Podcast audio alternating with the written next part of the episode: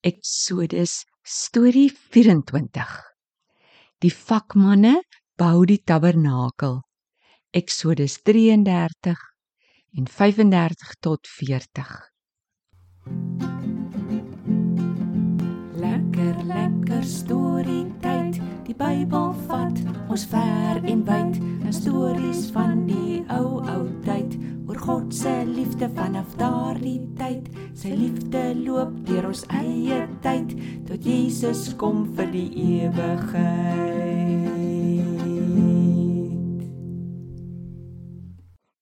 Hallo, maats.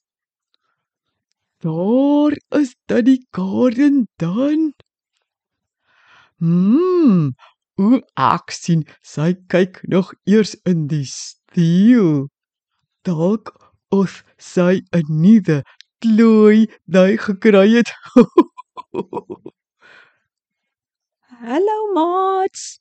Hallo Tobias. Wat skinder jy van my? Nee, ek wonder songer dat Tannie in die steel gesien het. Toe nou Tannie hoef nie te sê nie.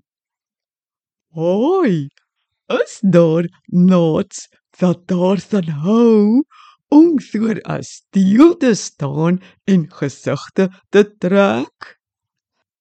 Ek is seker daar is. En dan sê hulle mammas, hulle moet ophou gesigte trek want die spieël kan bars. Ja, ja. Dan nie. Was daar steels in die tyd dat die Israeliete deur die woestyn getrek het?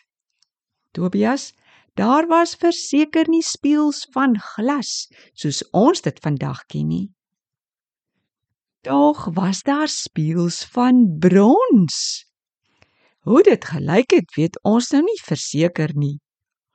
Dis interessant. Vertel ietsie daarvan. Goed. Kom ek vertel vir julle iets van die vrouens van Israel en hulle spieëls. Lekker storie.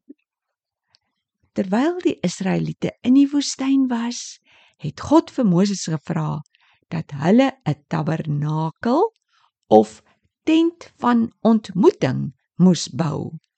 Ons het al daarvan vertel. Maar hulle was in die woestyn. Daar nie het hulle gedou. Ek is seker daar was nie 'n dou winkel of materiaal winkel naby nie. Dis onder andere waar die spieëls inkom. Die Here het vir Moses gesê: "Vra dat die Israeliete wat wil vir my offergawe bring waarmee die tabernakel gebou kan word.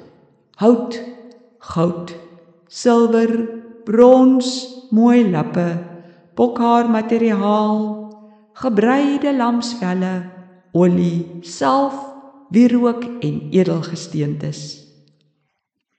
Moses het geweet dat die Israeliete pragtige dinge by die Egiptenaars gekry het toe hulle die nag so haastig uit Egipte is. Het die mense dit toe gedring? Ja, hulle het elke oggend gebring en gebring materiaal, oorbelle, ringe, halsnoere, hout. Op 'n dag sê die vakmanne vir Moses: Moses, sê die volk kan nou maar ophou lappe en goed bring. Ons het nou genoeg. Nee, ons het nou eintlik al te veel. Ag, wonderlik, fantasties. En toe Toe het almal wat kon begin werk aan die tabernakel. Die vakmanne het netjies se houtrame gemaak. Al die hout was oorgetrek met goud of silwer of brons. Die vrouens wat kon weef, het goeie lap geweef. Ander het lappe gemaak van bokhaar wat hulle gespin en geweef het.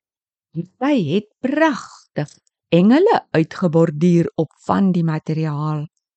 Sommige het begin werk aan die priester en leviete se mooi klere.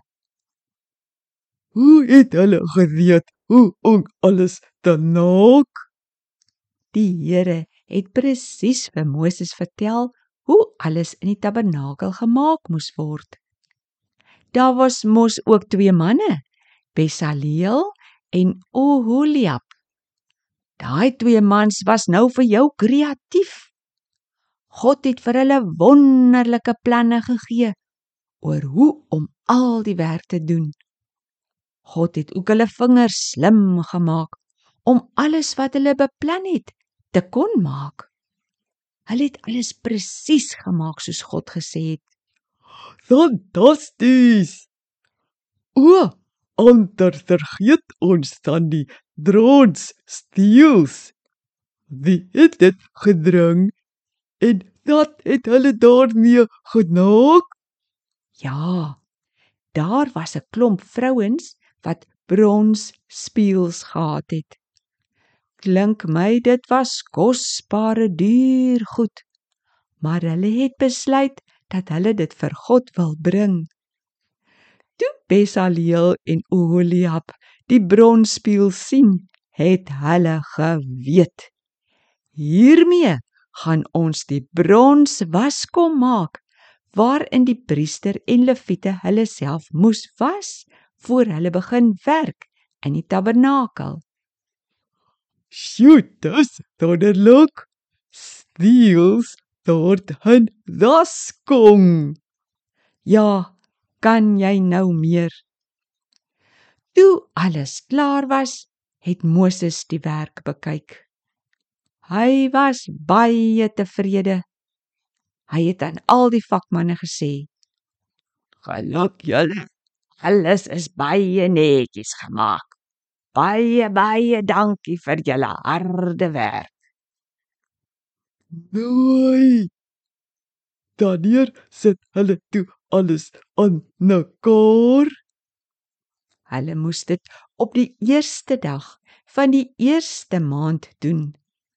Dit was nou die tweede jaar wat hulle weg is uit Egipte. Hulle het alles baie presies aan mekaar gesit. Van die allerheiligste tot by die laaste ramvelle bo-oor. Toe dit klaar was, gebeur daar 'n wonderlike ding. 'n Groot wolk het gekom. Die wolk was bo-oor en binne-in die tabernakel. Dit was die groot, sterk daar wees van God. Ons noem dit sy magtige teenwoordigheid. Dit was so sterk dat Moses nie kon binnegaan nie. God het gewys hy wil by sy volk woon. Later het dit so gewerk. Net as Moses in die tent van ontmoeting ingaan, dan kom die wolk en wag by die ingang. Dan praat God met Moses. Die wolk het ander tye bo oor die tabernakel gehang. Snags was dit 'n bol vuur. Elke keer as die wolk vuur wegtrek, dan het die volk geweet hulle moet ook nou trek. As dit gaan staan, slaan hulle weer die tabernakel op. "Oh nee. Nee, doorde is nou skoon dag." Al wat ek nog kan sê, as dat ons nou na die storie tyd ot en as kan string oor ons God dat so wonderlik is. Hy dou dui sy sok doen. Hy wil vandag dat jou en jou en jou doen. Dit is roo. Tot sins nooit. Tot ons weer gesels. Ek stem saam Tobias. Groot en sterk en wonderlik is ons God. Thank you